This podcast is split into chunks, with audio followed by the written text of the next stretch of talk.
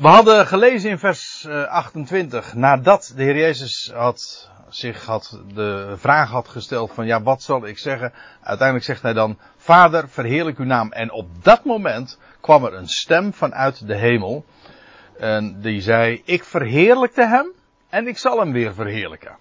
Nou, en dan lees je, de menigte dan, die daar stond en hoorde, die zeiden, er geschiedde een donderslag.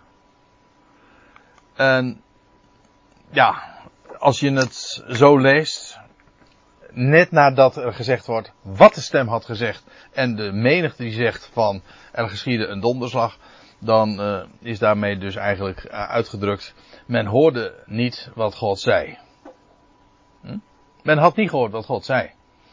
Maar dat is illustratief. Want daar gaat eigenlijk uh, ja, ook het, uh, nu het navolgende over. En ook degene hm, die zeiden, want dat waren dan weer anderen, die een andere uitleg hadden, een boodschapper heeft tot hem gesproken. Kijk, dat, het gunst, dat steekt gunstig af bij die vorige verklaring, want in ieder geval onderkende men in ieder geval dat men, dat er een, sprake was van een hemelse boodschap. Alleen wat die boodschap was, dat wist men niet. Uh, dus ja, hoe dat geklonken heeft. Uh, men heeft het in ieder geval niet verstaan en het werd verschillend uitgelegd. Maar dat men, de menige had in ieder geval wel opgemerkt dat de stem had geklonken, pal op Jezus gebed. Want Jezus had gesproken, Vader verheerlijk uw naam. En dat heeft ongetwijfeld zo geklonken en de, men, de menigte hoorde dat. En pal erop kwam daar die stem vanuit de hemel. En dat heeft men niet uh, kunnen verstaan. Dus als je nou aan mij vraagt van wat was, stel je voor je had daar uh, met een geluidsrecorder gestaan, wat had je nou kunnen, kunnen opvangen? Wat had, uh, wat had hij vervolgens afgespeeld? Ik weet het niet. In elk geval, de stem had gezegd, ik heb hem verheerlijkt en ik zal hem weer verheerlijken. En het feit dat de menigte dat uh, niet heeft verstaan, ja, dat is in feite precies ook wat, wat er gedemonstreerd werd. Want men heeft de stem gehoord, maar men verstond hem niet. En daarom denk ik ook dat de Heer Jezus zegt van, uh, niet om mij was deze stem. Het was niet om de Heer Jezus iets te vertellen, maar juist om jullie is er geschied. En het loutere feit dat zij het wel gehoord hebben, ze hebben ook gehoord dat er sprake was van een stem. Ook als men dan, dan vervolgens zegt van ja, dat, het zal iets van een donderslag geweest, geweest zijn. Men heeft opgemerkt dat het een stem was die vanuit de hemel klonk. Maar men, dat is één ding wat zeker is. Uh, dat geldt ook voor degene die dan verklaren van ja, dat was een, misschien een boodschapper heeft tot hem gesproken. Men heeft onderkend dat er sprake was van een stem, alleen men heeft het niet verstaan. Maar let nou even op, als je even doorleest in vers 38 en 40 tot 40, dan wordt dat nu juist naar, naar voren gebracht en ook uh, uitgelegd. Namelijk, uh, ook nog aan de hand van de profetie, namelijk dat Jezaja al zei van, uh, met hun ogen zullen ze zien, maar geen zins opmerken. En met hun oren zullen ze horen, maar niet verstaan. Nou, dat is wat hier eigenlijk gedemonstreerd werd. Om jullie is er geschied. Het was dus een teken aan hen dat er een stem klonk zonder dat zij wisten wat er gezegd werd. Maar dat is eigenlijk waar het, uh, ja, wat de, de, van de menigte in het algemeen gezegd kan worden. Men kende het woord, dat wil zeggen men luisterde naar, maar men verstond het niet. En dan kan het dus toch een teken zijn. Eigenlijk heb je dat ook met een, uh, met uh, gelijkenissen. Ja, waarom sprak de Heer Jezus gelijkenissen? Niet om iets duidelijk te maken, maar juist om het te verbergen. Dus ter, die schare moest dat horen, maar het was juist de bedoeling dat ze het niet zouden verstaan.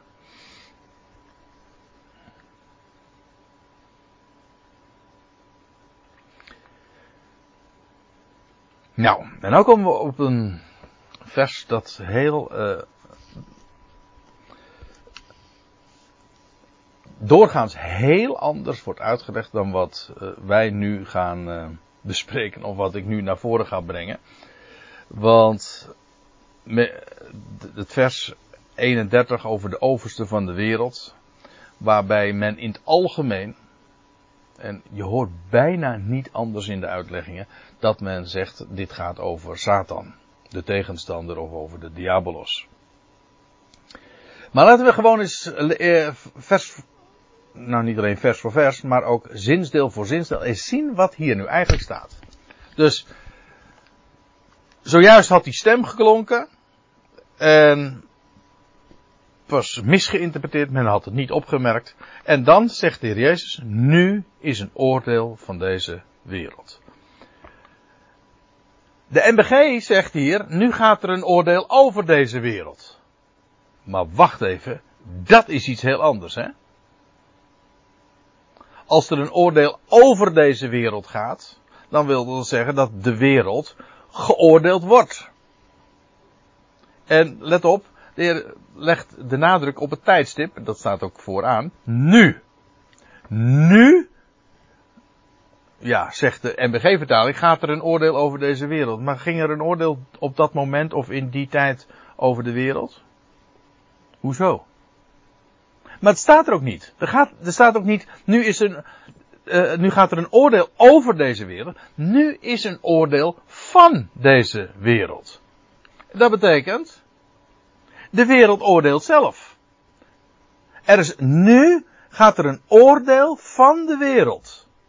De wereld gaat nu oordelen.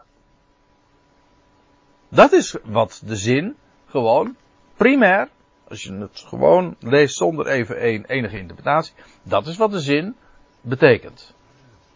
Ja?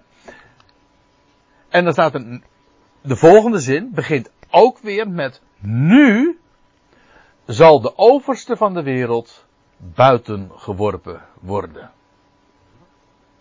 En dan vraag je, wie is de overste van de wereld? Dan zeggen mensen, dat is Satan.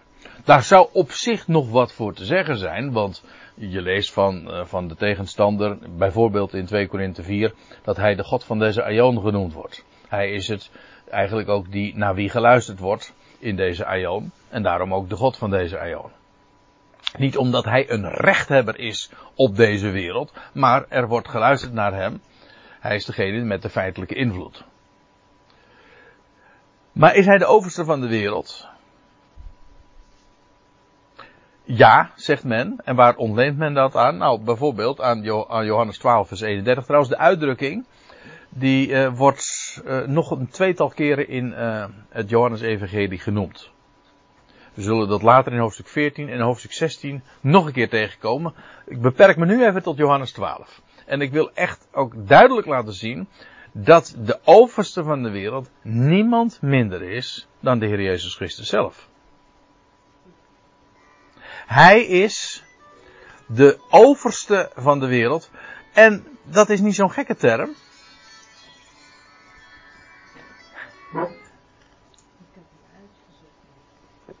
Wat een, uh, wat een, wat een stout apparaat, Therese. Hè? Ja. Nou.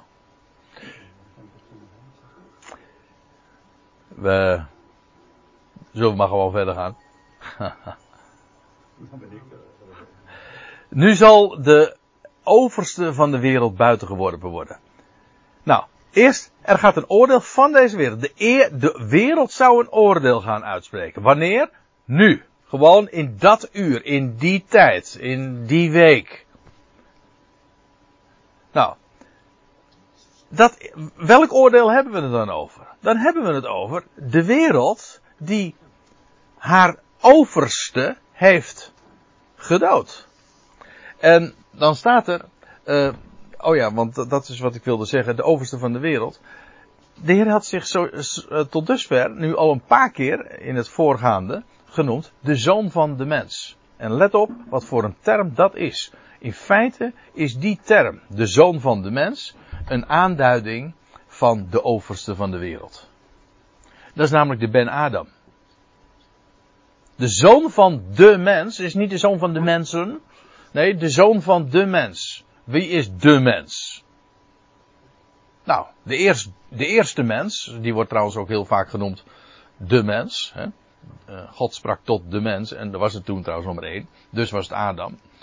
Maar in het Hebreeuws is het dan ook gewoon Ben Adam. En die uitdrukking, de zoon van de mens, dat komt uh, eigenlijk gewoon zo uh, linea recta uit de Hebreeuwse Bijbel. En ik denk dan met name aan Psalm 8, waarin uh, gesproken wordt over de Ben Adam. Wat, wat is de sterveling dat u naar hem omziet? Of de zoon van de mens, de Ben Adam, dat u naar hem opziet? En, wel, die Ben Adam, dat is degene onder wie al, uh, alles wordt onder zijn voeten gesteld. Alles. Met eer en heer, daar staat er in, uh, in in Psalm 8, hij wordt voor een korte tijd beneden de engelen gesteld. Dat was het lijden van zijn dood, want engelen sterven niet. En vervolgens is hij met eer en heerlijkheid gekroond. En dan vervolgens alles wordt onder zijn voeten gesteld. Dat is de Ben Adam. Alles wat aan Adam ooit gegeven werd, wel, de Ben Adam zal het daadwerkelijk gaan realiseren. Uh, want ja, Adam moest de hof uh, bouwen en bewaren, maar we weten allemaal dat daar weinig van gebeurde, van kwam. Uh, uiteindelijk werd de, de tuinman, die de, eigenlijk de hele aarde tot een grote tuin zou moeten, hij, tot een grote tuin zou moeten maken. Hij moest de, de hof bouw, bouwen en bewaren. Bewaren wil zeggen gewoon zorgen dat die intact blijft. Bouwen wil zeggen ook groter maken. Hij moest de hele aarde tot een hof maken. Wat trouwens betekent dat de aarde dus geen hof was. Ja, hij moest de aarde gewoon onderwerpen. En dat betekent dat Adam de functie van een koning had. Hij moest ook heersen over alle, alles wat God gemaakt had op aarde. Nou, Adam werd, uh, zou de hof bouwen en bewaren, maar hij in werkelijkheid, uh, in, binnen niet al te lange tijd, werd hij uit de hof gezet. En dat betekent dus dat zijn opdracht uh, ja, gaat naar zijn zoon, naar zijn erfgenaam. En dat is de Ben Adam. En die gaat daadwerkelijk, die stond ook op in een hof. Hè. En Maria dacht, dat is trouwens ook het Johannes Evangelie, dat het de tuinman was. En dat klopt. Hè. Ja, ze dacht dat het de tuinman was, maar het is ook de tuinman. Het is namelijk de Adam, de Ben-Adam, die de hele aarde tot een hof gaat, daadwerkelijk gaat maken. Dus alles is onder zijn voeten gesteld. Dus als er één in aanmerking komt voor de titel de overste van de wereld, namelijk als de Ben-Adam onder wiens voeten alles gesteld zal worden, dan is hij het. Wel, wat er wordt hier gezegd, nu is een oordeel van deze wereld. Deze wereld die gaat nu een oordeel uitspreken. En wat doen ze? Nu zal de overste van de wereld, de Ben Adam, de zoon van de mens, uh, buiten geworpen worden. Dit zijn trouwens die twee teksten die ik zojuist bedoelde, waar ook over sprake is van de overste van de wereld. Ik zei al, uh, als we eenmaal bij diverse aangekomen zijn, dan gaan we uiteraard uh, ook dan weer daarop in. Dus uh, we, we, doen de bespreking over de overste van de wereld uh, eventjes in etappes. Gewoon precies zoals we het uh, aangereikt krijgen in het Johannesevangelie. Maar hier is wel een hele duidelijke, als u het mij vraagt, waar het werkelijk over gaat. De wereld die haar oordeel uitspreekt over haar overste en die haar werkelijk inderdaad veroordeelt en buitenwerpt hebben ze ook letterlijk gedaan. Want ze hebben hem buiten de poorten van Jeruzalem gedood. En als je dan bedenkt dat Jeruzalem de stad van de grote koning is, dus de stad van de overste van deze wereld. Ja, ze hebben hem buiten geworpen. Dus als je louter naar dit vers kijkt, de eerste voorkomen waar sprake is van de overste van de wereld, dan kan je, als u het mij vraagt, maar één eerlijke conclusie trekken. Dit gaat over de Heer Jezus Christus. De wereld heeft hem geoordeeld en veroordeeld en buiten geworpen. Toen. En hoe dit ooit waar zou kunnen zijn. Uh, voor de wereld. Hè, dat dat uh, de weer, nu, nu gaat er een oordeel over deze wereld. Hoezo? Is er, is er toen een oordeel over de wereld gegaan? Nee. De wereld zelf gaf een oordeel. Sprak een oordeel uit en wierp haar overste voorbij. En hoezo? Nu zal de overste van de wereld. Stel je voor, we gaan even mee in de gedachte dat het inderdaad zou gaan om de Satan. Is, is die toen buiten geworpen? Volgens mij allerminst.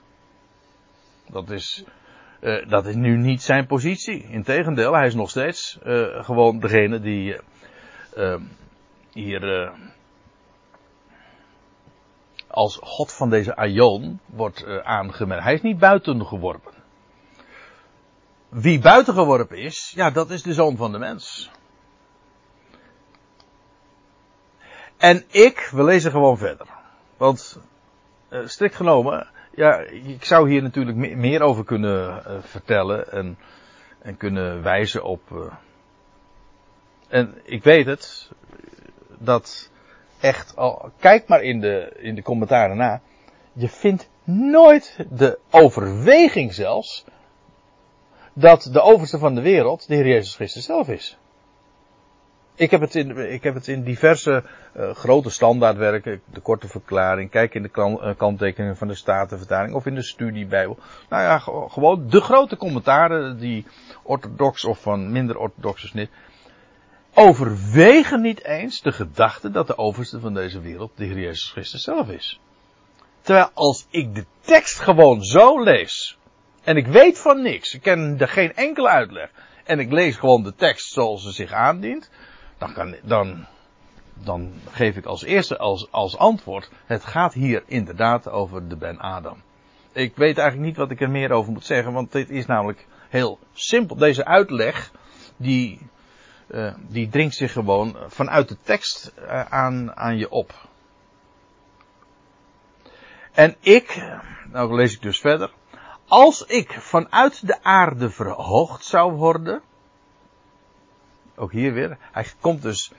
Eh, dit borduurt eigenlijk nog even voort op de gedachte die we al eerder tegenkwamen, namelijk dat hij als graankorrel in de aarde zou vallen. En als hij vanuit de aarde verhoogd zou worden, waar, gaan, waar hebben we het dan over? Over zijn opstanding. Dan zal ik allen tot mij trekken. Nou moet ik nog iets uh, zeggen. Want als je de, de verklaringen dan leest over dat verhoogd worden, dan vind je vrijwel altijd weer de gedachte dat verhoogd worden, dat heeft te maken met het kruis. Ja, dat is gewoon de, de, de standaard uitleg over dat de Heer Jezus verhoogd zou worden. Hij werd verhoogd aan het kruis. dus uh, ik meen ook dat we het in een, in, in een of ander lied dat ook zo zingen. Die verhoogd werd aan het kruis. En ik begrijp fysiek gezien dat daar natuurlijk wat voor te zeggen is. Want ja, hij werd verhoogd. Dat is een, een verhoging op, uh, op fysiek niveau uh, is dat, uh, ben je opgetild vanuit de aarde natuurlijk. Maar dat is nooit de Bijbelse gedachte. En ik weet wel hoe men daaraan komt, want dat is het navolgende vers waar men dat dan vervolgens aan ontleent. Maar, uh, als ik nu eventjes nog gewoon ver, uh, lees uh, in, in de lijn van wat we zo zagen, is, kijk, de wereld die doodt, uh, namelijk vernedert, werpt buiten, haar legitieme, dat wil zeggen haar legale, haar correcte overste. Dat wil zeggen haar vorst, de erfgenaam, die doodt ze. Dat is een vernedering en dat is een, ja, want men werpt hem namelijk buiten. Maar God maakt hem levend. Vanuit de aarde doet hem opstaan en dat is zijn verhoging. En geeft hem daarmee dus ook uh, de, de eer. En kijk het maar na, ook, uh, ook elders. Uh, Jezus sterven aan het kruis was niet zijn verhoging, dat was juist zijn uiterste vernedering. Hij heeft, hij heeft zich vernederd en is gehoorzaam geworden tot de dood. Ja, tot de dood van het kruis. En dan staat er in Filippenzen 2 erachter. Daarom heeft God hem ook uitermate verhoogd. Dus nadat Jezus zich tot het uiterste vernederd heeft, tot de dood van het kruis, heeft God hem tot de uiterste maat verhoogd. Dus dan is die verhoging inderdaad begint vanuit het graf. Vanuit de aarde, gewoon letterlijk. Vanuit de aarde is hij verhoogd, namelijk van Gods wegen. En zo zou hij allen tot zich uh, trekken. En als die schapen vanuit die andere stal uh, dan uh, komen, wel niet eerder dan dat. of niet eerder dan dan, dan dat moment. En vanuit die positie dus. En nou komen we even op dat andere punt. En dat er staat. Dit nu zei hij. Om aan te duiden. Welke dood hij op het punt stond te sterven. Welke dood? Ja, waar verwijst dat naar? Naar het oordeel van de wereld. Naar dat de overste van de wereld die buiten geworpen zou worden dat welke dood slaat niet op zijn verhoging.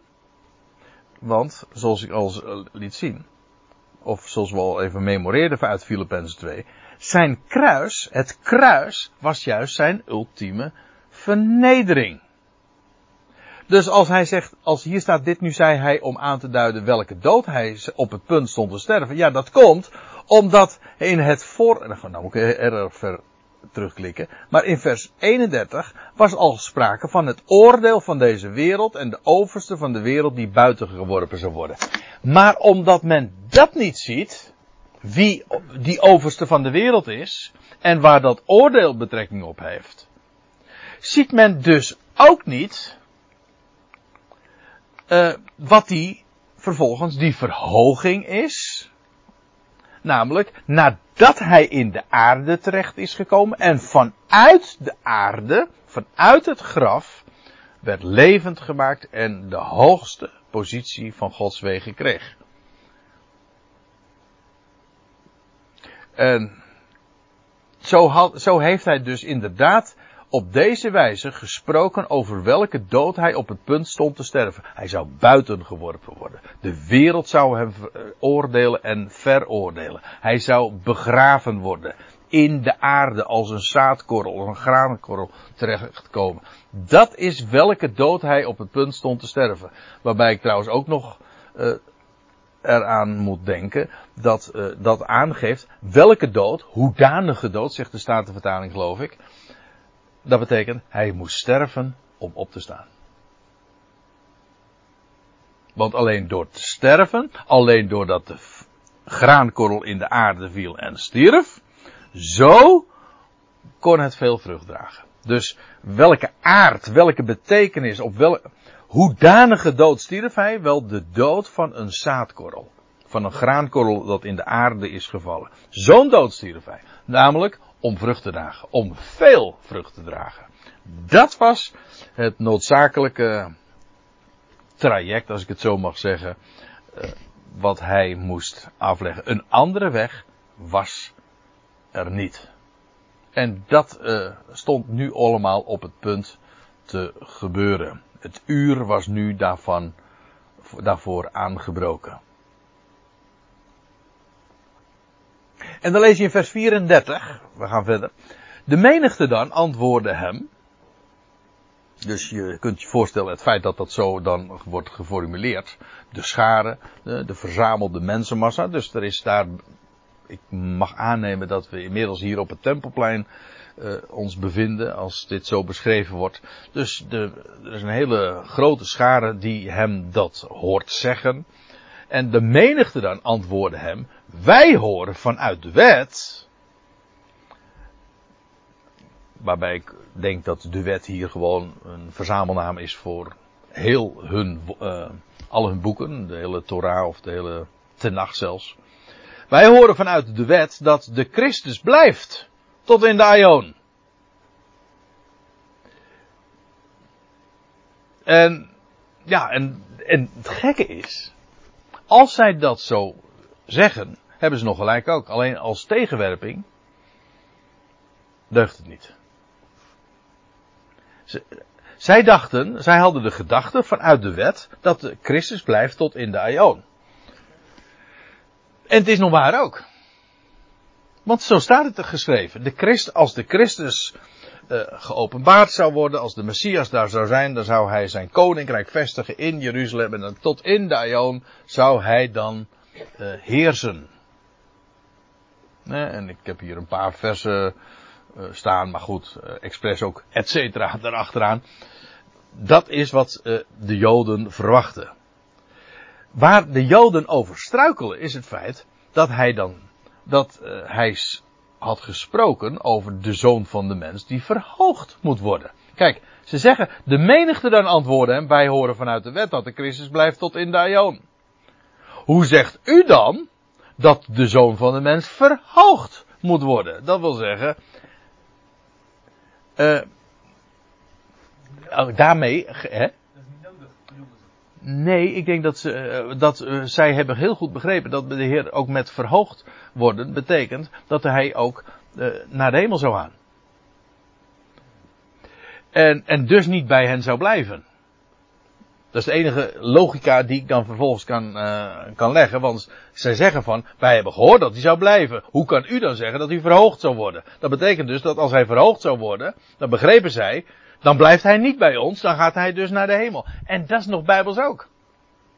Kijk, uh, en ik, het is met name Psalm 110 waar dat op gebaseerd is. He, waar je leest, dat is een psalm van David, ik, lees, ik heb hem hier eventjes afgedrukt. Jawel zegt met nadruk tot mijn Heer, zet of zet u aan mijn rechterhand. Totdat ik uw vijanden stel tot een, voet, een voetenbank voor uw voeten. Met andere woorden, tegen de Heer van David wordt gezegd, van Gods wegen, zet, aan mij, zet u aan mijn rechterhand. Dat wil zeggen, jij, komt, jij gaat zitten aan mijn rechterhand. Maar dat is verhoging. Dus, en het probleem waar de Joden mee zitten, en eigenlijk tot op de dag van vandaag het grote bezwaar is, en dat is, zij zeggen van, de Messias is niet gekomen, want als de Messias komt, dan zou hij blijven. En dan zou hij zijn koninkrijk vestigen. Het loutere feit dat hij er nu niet meer is, en niet meer bij ons is, dat geeft dus aan dat hij niet de Christus is. Dat is eigenlijk wat ze zeggen. En dus hebben ze het probleem, uh, ze geloven een deel van de profetie. Ze geloven die profetieën die zeggen dat de Messias tot in de Aion zal blijven en zal heersen. En is volkomen naar de schrift. Maar ze verwerpen al die schriftplaatsen die spreken over zijn sterven. Over dat hij zich zijn ziel zal stellen tot een schuldoffer. En dat hij vervolgens zou sterven. En dat hij zo vrucht zou dragen. En dat hij zou opstaan uit de doden. Nou ja.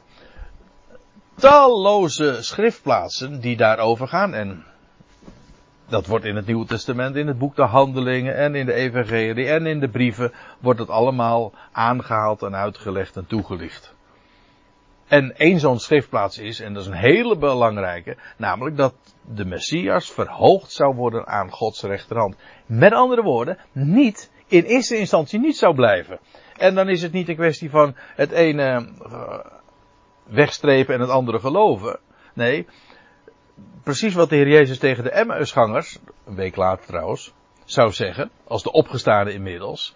O onverstandige en trage van hart, dat jullie niet geloven alles wat de profeten hebben gesproken. Moest de Christus niet uh, lijden, hoe staat het er?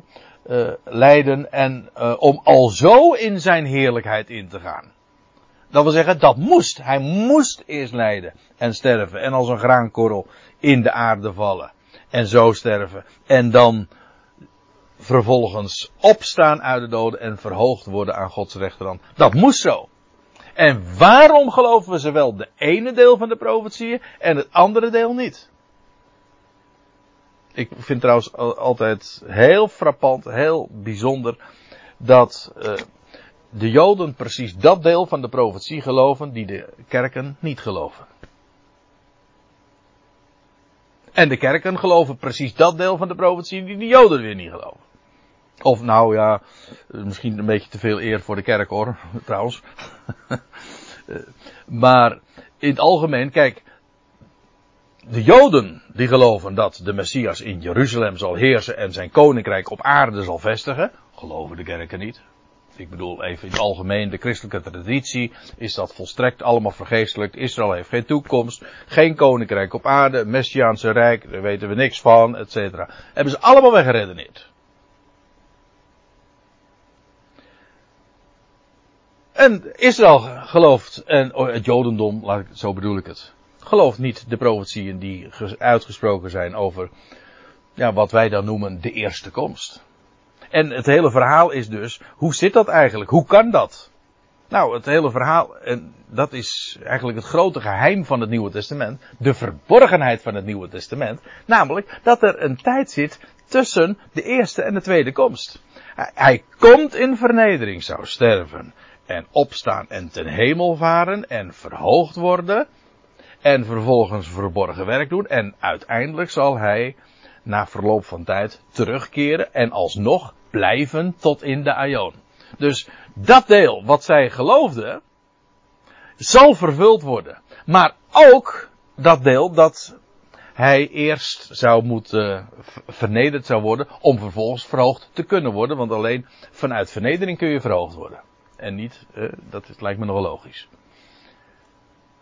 Met een? Met een. Shame on me. Dat ga ik nog inderdaad nog even, uh, ja, verhoogd met een D, ja. Dankjewel, uh, Daniel. Terwijl ik al een paar keer naar de tekst heb gekeken, was het me nog niet eens opgevallen. Maar dat is dus de grote vraag waar zij mee zitten. Wat we hier dus eigenlijk in vers 33 en 24, uh, 33, uh, nee, vers 34, sorry, wordt omschreven, is eigenlijk een gigantisch vraagstuk. En feitelijk, dit bepaalt ons bij het geheim van het Nieuwe Testament. Namelijk dat de Christus eerst moest komen in vernedering en vervolgens inderdaad zou uh, in de verborgenheid uh, ontrokken zou zijn en in het heiligdom zou komen, aan Gods rechterhand zich zou bevinden, totdat hij uiteindelijk zijn koninkrijk hier op aarde wel degelijk gaat vestigen. Hoe dat kan en hoe die twee zich tot elkaar verhouden, ja, daar gaat, uh, daar gaat een groot gedeelte van het onderwijs in het Nieuwe Testament over. En dan luidt de vraag van deze Joden nog: wie is deze zoon van de mens? Ja, nou dat is dus de Ben Adam. Dat is het antwoord. Dat is de Ben Adam waar, eh, waar David al over sprak. Dezelfde David die als voor, voor, voor zij, voorzegden, zo was het nou?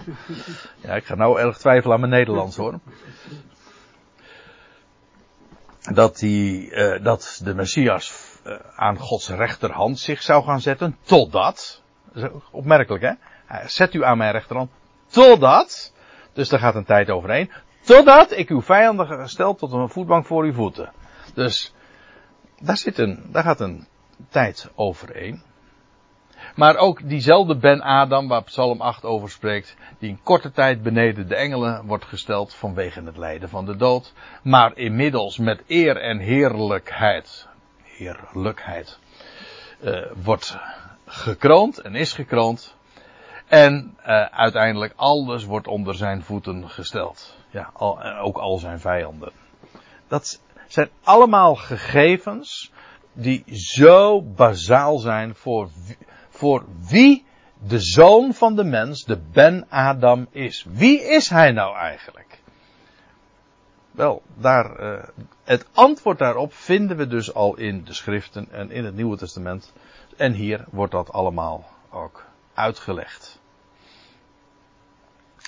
Nou, ik denk dat we er verstandiger aan doen om het hier nu even bij te laten.